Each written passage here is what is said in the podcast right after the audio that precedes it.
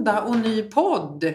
Idag har vi ju gäst med oss. Välkommen Lisa Nyberg. Tusen tack! Vad kul att få vara med här i er podd. Det ser jag fram emot. Jätteroligt. Vi är oerhört glada och faktiskt väldigt stolta att du vill vara med. Eh, du är ju inte bara VD för Svensk Fastighetsförmedling. Utan du har också blivit utsedd till Årets VD 2020. Ja, det blev jag och det var jag, är jag otroligt stolt över att få bli. Eh, och få en sån, men något erkännande någonstans efter att ha varit VD i varje 20 år i olika verksamheter och branscher. Det måste ju vara det hedersammaste priset man kan få, tänker jag. Ja, eh, jag tycker att när jag, när jag ser nomineringen och man pratar om vad jag, vad jag, varför har jag fått det, där det handlar mycket om att, att bygga kulturen och bygga människor, så blir jag oerhört stolt. För det är ju det som jag tycker är det kanske viktigaste av alltihop i min roll som VD, förutom naturligtvis att se till att få en lönsam verksamhet. Men det är ju där det börjar. Så det är klart att det är fantastiskt att få det erkännandet. Mm. Vad tror du skiljer dig från andra VDar?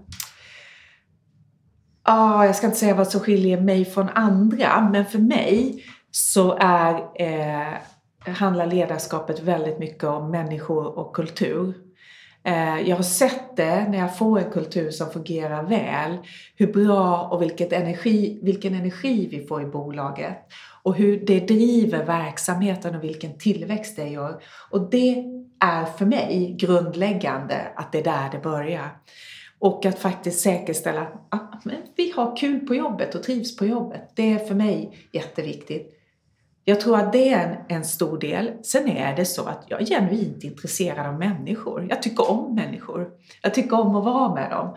Och jag tror att jag är hyfsat duktig på att ha en kommunikation och tala om vilken resa vi ska gå på och få människor engagerade. Och med på tåget. Och med på tåget såklart. Men, Men då behöver ju det här, det här året har ju påverkat dig i ditt ledarskap ganska rejält då. Som är van att vara med och tillsammans med din personal. Det har det absolut gjort. Men för mig, alltså kommunikationen blir ju annorlunda. Men kommunikationen har ju blivit än viktigare det här året. I både hur vi gör det. Eh, nu ska vi ha mer kommunikation digitalt. Men att vi funderar på hur gör vi det digitalt. Eh, och att vi ändå försöker bjuda in till samtalen i det så det inte bara blir att sända. Så det är ju en del av det. Sen handlar det ju lite grann om att det jag kanske tror är det viktigaste i ledarskapsrollen, det är ju lite modigt. Eh, och vara modig. Att mm. Både modig att fatta beslut och modig att kunna förändra beslut. Och det har vi varit tvungna att göra i år. Verkligen vara modiga i vårt agerande och vårt sätt att hantera personalen. Så vi har fått testa oss ordentligt i vad det innebär. Sen vet jag också att många säger att jag är en tydlig ledare. Eh, det är inte så svårt att, det är svårt att missuppfatta mig. Jag brukar kunna tala om vad jag tycker och tänker och vilken resa vi ska göra tror att det är en fördel i det digitala, mm. att man är tydlig. För du har inte lika enkelt till frågor som kommer. Så det är väl några av de faktorerna som jag ändå har fått fundera på och det som har varit positivt och det som har varit utmanande tycker jag är kommunikationen. Mm.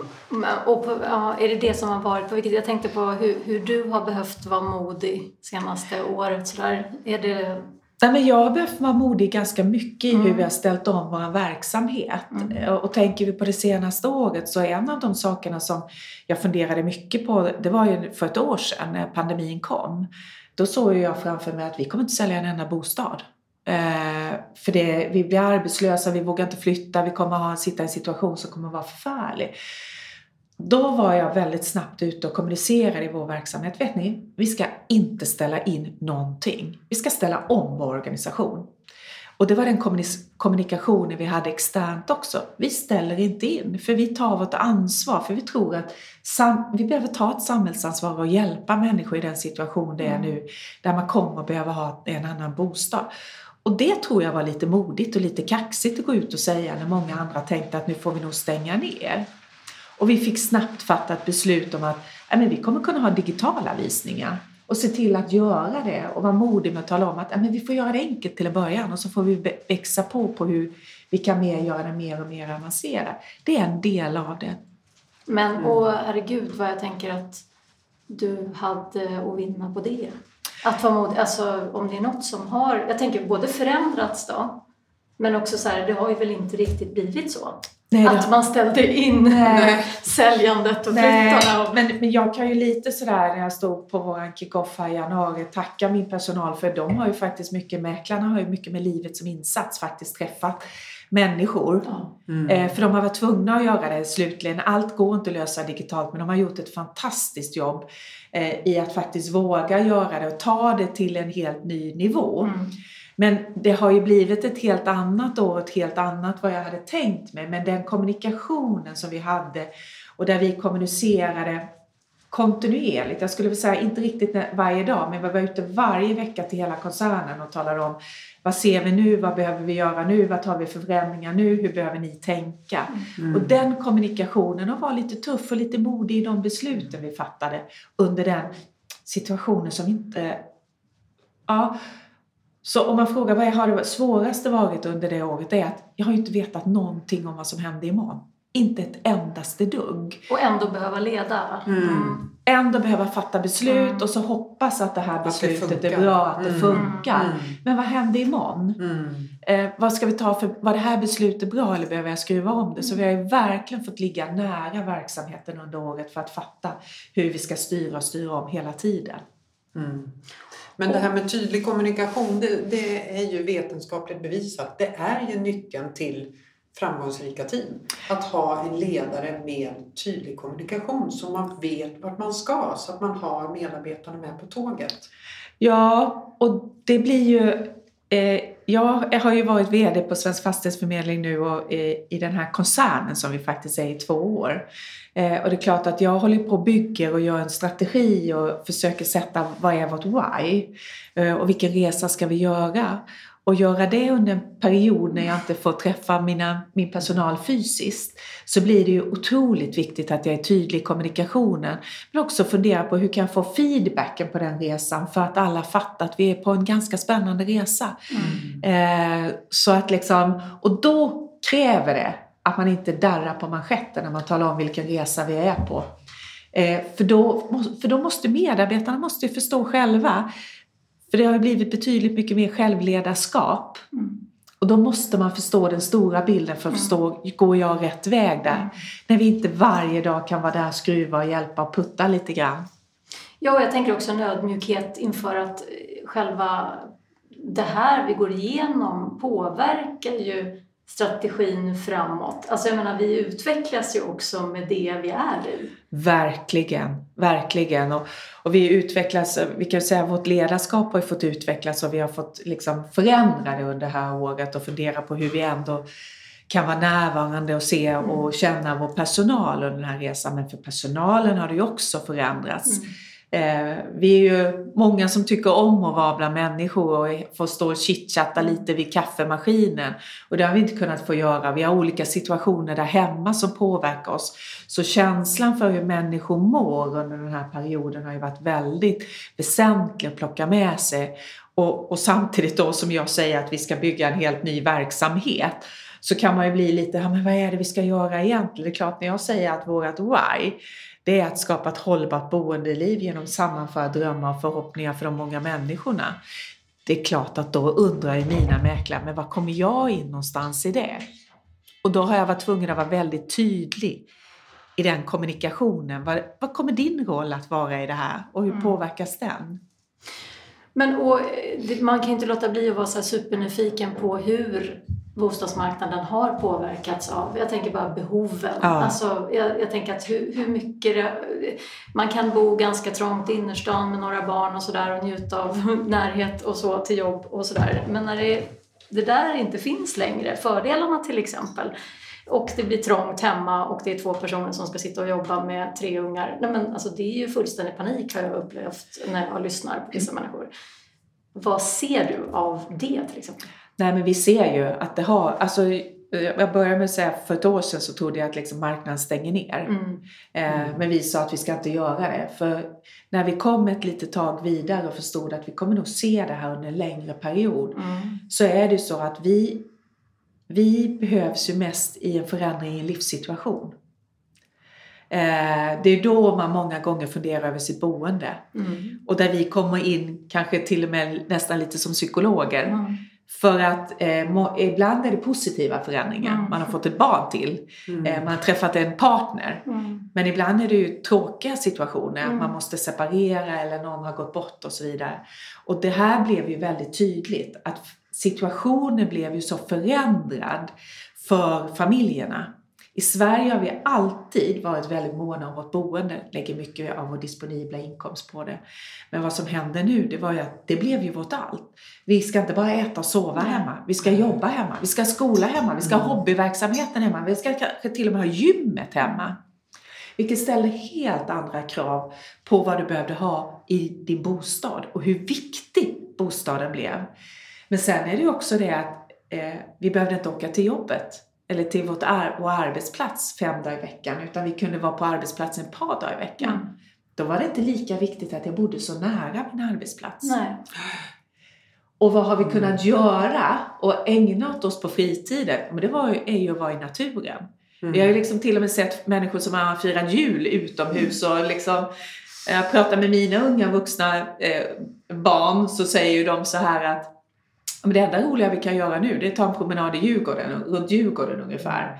Och det är klart att då blir ju närheten till naturen eh, och, och komma ut och det kan vara cykelvägar och det kan vara sådana saker som har blivit betydligt viktigare idag än att ha närheten till kontoret. Mm. Så- Så efterfrågan på bostäder utanför storstäderna måste ju ha då ökat. Det har ökat och man behöver större. Mm. Eh, och behöver man större och inte har råd med större in i stan så blir det givet och då kan man tänka sig ett större en bit bort för man behöver inte resa varje dag. Men är det, an, är det andra behov också som styr det där med naturen, tror du? Eller ser ni? Än bara att man inte behöver åka till kontoret? Ja, jag, jag skulle vilja säga att vi ser att det har blivit liksom lite livskraften och hämta livskraften. För vi kan inte gå på något kulturellt, vi kan nästan inte ens gå ut och äta. Nej. Vi får inte träffa våra vänner, vi får inte resa någonstans. Naturen blir ju en viktig del. Mm. i att faktiskt få någonting mer, att Mm. vara ute. Och vi ser ju också, vi pratar mycket om att det som kanske har förändrats mest under 2020 är ju fritidshusen.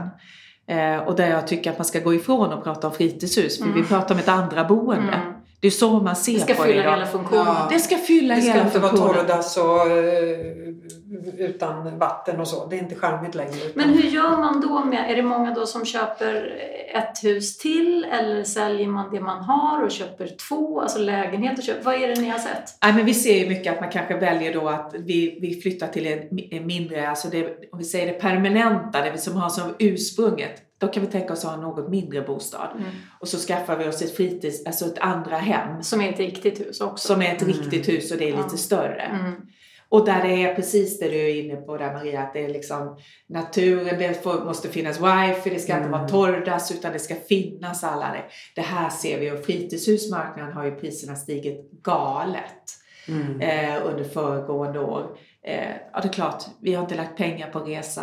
Vi har inte Nej. heller lagt pengar kanske på nya kläder på det sättet när vi inte ska vara på kontoret Mm. varje dag. Utan vi lägger pengarna på ett fritidsboende, ett andra boende och på det hemmet. Och där Mm. vi vill göra det lite Och det har vi ju sett i byggbranschen också. Den har ju gått som Verkligen. bara den. Mm. Men sen tror jag att vi ser lite grann att vi, vi pratar om hållbart och vi pratar ju mycket om hållbart boendeliv. Jag tror att vi ser att det faktiskt kommer nu. Vi vill ha en annan typ. Vi ser att man vill kunna odla lite. Man ser att vi vill ha lite Mm. närhet till naturen. Det är andra frågor som Mm. blir väsentliga. Mm. Jag tror ju att vi är många, i varje fall jag, längtar ju till att få börja resa igen. Men jag tror att vi fortfarande kommer se många som tycker att nej men det är andra saker på min fritid som kommer att vara viktiga. Inte givet att jag vill sätta mig på ett flygplan och åka någon annanstans. Utan man, man bygger upp det på ett annat sätt idag. Det ser vi en stark trend.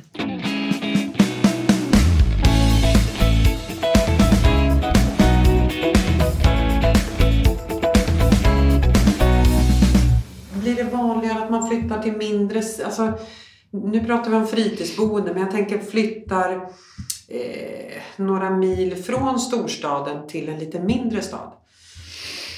Ser ni någon sån ökning? Ja, men det är för första gången på länge som vi har haft en minskning i Storstockholm Ah. av, eh, av människor Som flyttar in då. som flyttar in. Utan vi har haft en utflytt Ja, som har precis. varit högre än inflytten. Ja. Alltså, så nettot har blivit högre av de som har flyttat ut. Och det är första gången på länge.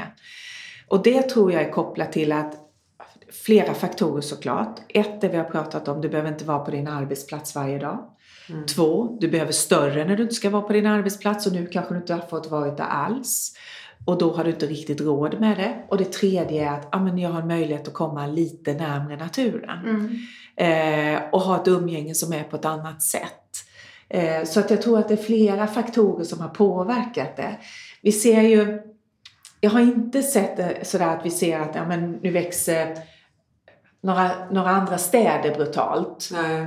Men vi ser att man väljer att flytta en bit ifrån storstaden och där om vi tar Stockholm så är ju liksom, vi har Strängnäs, Eskilstuna, Exakt. Västerås. Där du får betydligt mer för dina pengar men ändå fortfarande kan ta tåget till Stockholm och det tar en timme. Mm. Men det vi inte har sett, det jag skulle önska om man pratar om att titta lite framåt på trender, det är ju att kontoren som vi har inne i stan som kan, vi kanske inte kommer gå till varje dag i veckan.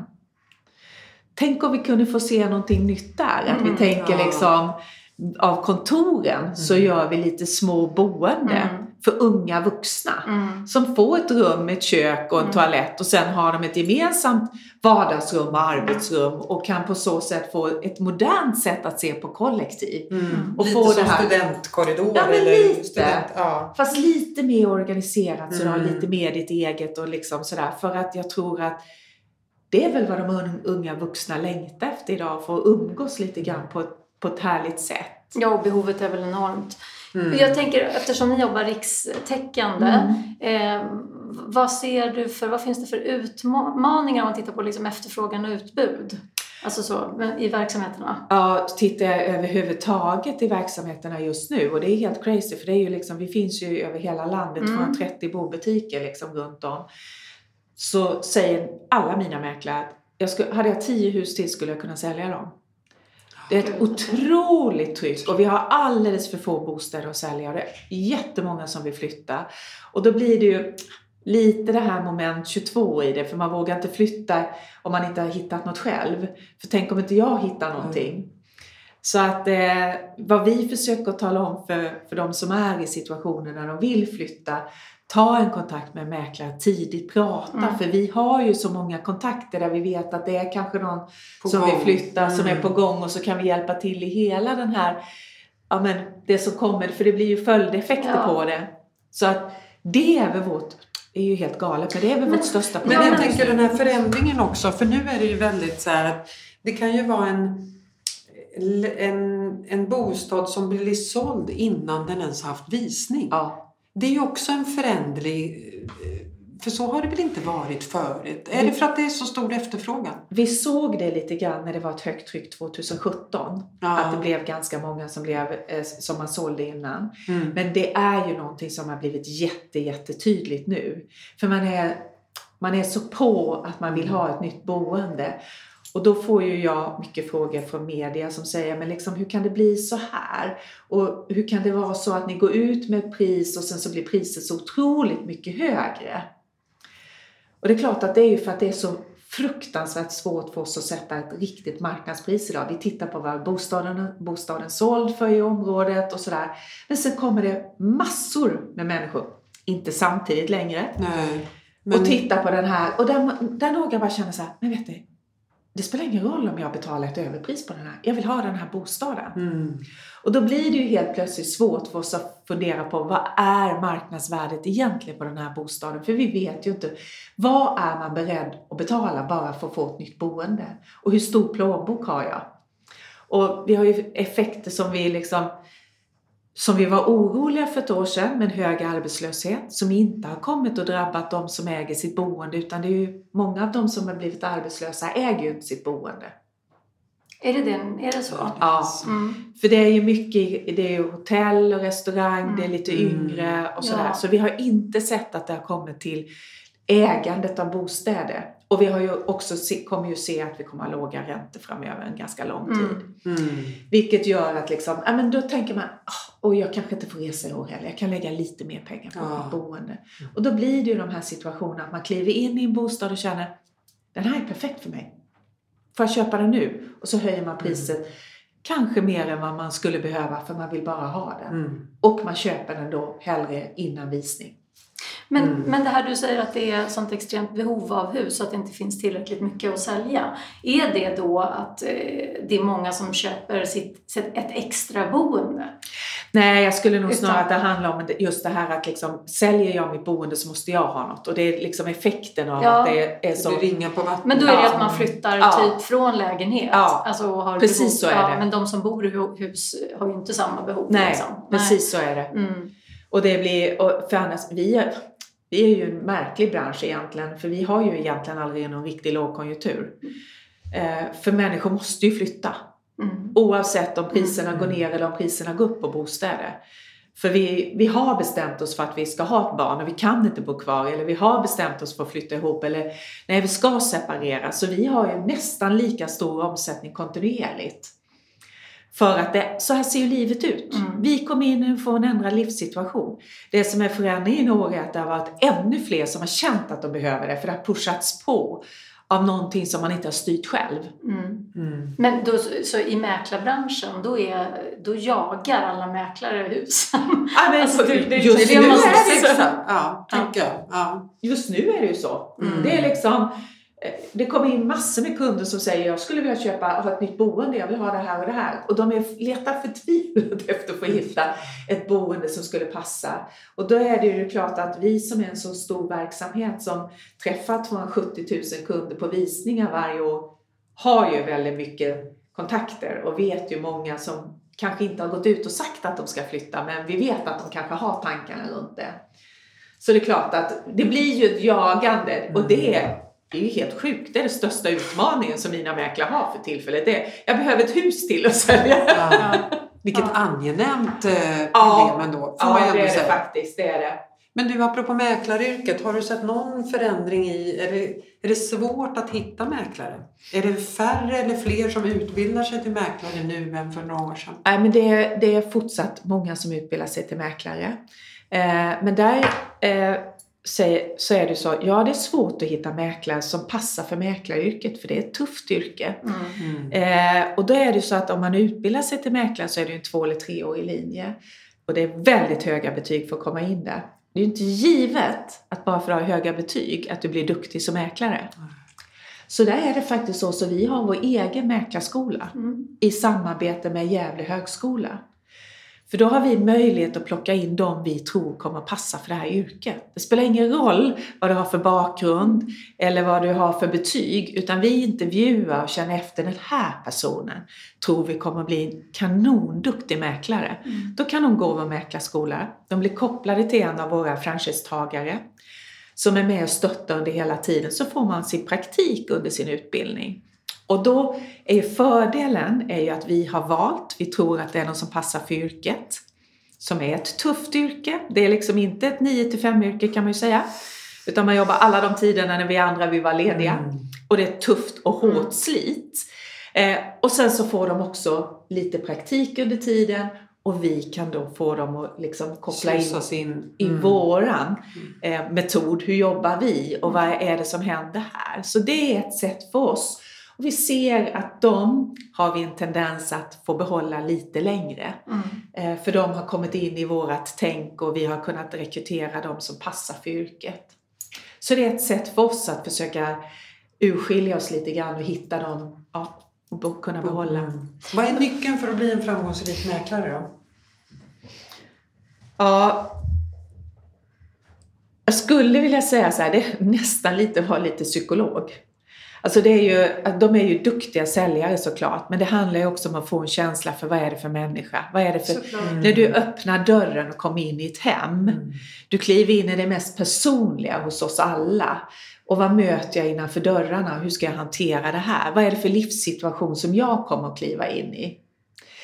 Eh, Den känslan och snabbt skaffa förståelse för vad det är för människor jag har att göra med och kunna guida dem och ta dem lite i handen i diskussioner runt omkring vad tror vi om den här försäljningen? Vad behöver vi göra för att du ska få det bästa priset? För det är ju därför vi anlitar en mäklare, för vi vill ha så mycket betalt som möjligt för vårt boende. Det är ju inget att sticka under stolen med.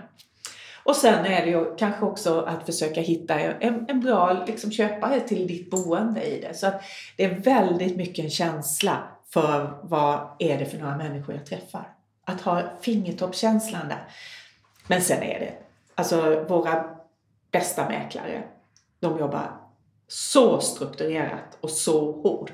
Alltså tittar jag in i deras almanackor så tänker jag så här, åh hur bara orkar ni? Det är liksom verkligen ringa de här samtalen, se till att få in de här på, på få in de här och kunna komma på vi och titta på dem, göra eh, värderingar. Sen så är det så här många visningar på kvällen och sen så ringer jag de här som har varit på visningarna och så, så ser dagarna ut och det är sju dagar i veckan. Är visningarna digitala alla? Alla är inte digitala, nej, nej. men det som har varit bra nu och som jag tror att vi har sett att det här får stanna, det är att många kan titta på en lägenhet digitalt först. Mm. Mm. För då, ja, precis. Få en känsla. Ah, det där känns Få bra. mycket bättre känsla mm. idag. Att det är värt att åka ut och titta på den här för att det är i vår smak. Ja, för vi har ju inte, det är inte så idag så att du glider in och gör det som en söndagsturné. Att, ah, vad ska vi göra då? Vi går och kollar på lite visningar. För så funkar det inte längre. För du måste anmäla dig, för vi måste veta. Det. Och det innebär att mäklarens dag, om de har en bostad som är jätteattraktiv, måste ha hur många visningar som helst. Ja. Mm. Kunde man släppa in liksom 50 tidigare så kan vi släppa in kanske 8 idag. Men då blir det ju väldigt viktigt att man fått en, då kan man ju avgöra rätt mycket i en digital visning menar jag. Så är det. Alltså, mm. Så behöver man inte åka runt. Nej, och för mäklaren är det ju så ja. att de som kommer är betydligt mer intresserade ja, än bara spontankikar. Mm. Så det har blivit en bra eh, process mm. och den tror jag vi har här för att stanna. Vi är ehm. jätteglada att du kom hit och oerhört spännande att höra om din resa och bransch och eh, framtiden. Och jag, jag måste fråga liksom lite sista fråga sådär då, utifrån den här perioden som har varit och det som kommer här nu.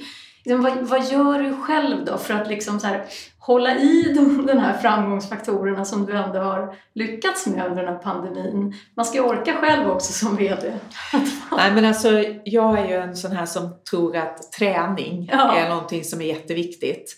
Eh, och det gör jag och jag är en sån här nörd som är på gymmet varje dag klockan ja. sex. Det hjälper. Och det hjälper mig för då får jag energi och känner mig liksom riktigt mm. sådär stark, stark i det. Mm. Och sen mm. så eh, älskar ju jag och min man att resa och opera och ballett och det får vi ju inte riktigt göra nu. Men nu får vi försöka träffa våra vänner i begränsade former.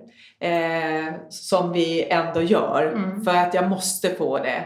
Eh, och sen det är klart att eh, en sån helg som jag har nu framför mig när eh, min yngsta son fyller 24 år. Och han kommer hem från Köpenhamn tillsammans med sin flickvän och min äldsta son 28 år och hans flickvän kommer hem och vi får ha middag på fredag kväll. Då fylls jag av energi. Det är det bästa som finns att få ha dem nära. Ja, ja men Vilket härligt ja. avslut ja, tycker det var jag. Jättehärligt, det var tycker jag. väldigt härligt. Mm. Stort tack för att du kom hit Lisa. Tack för att jag fick komma hit. Vad kul det var att prata med er. Bra frågor. Tack. Tack. Hej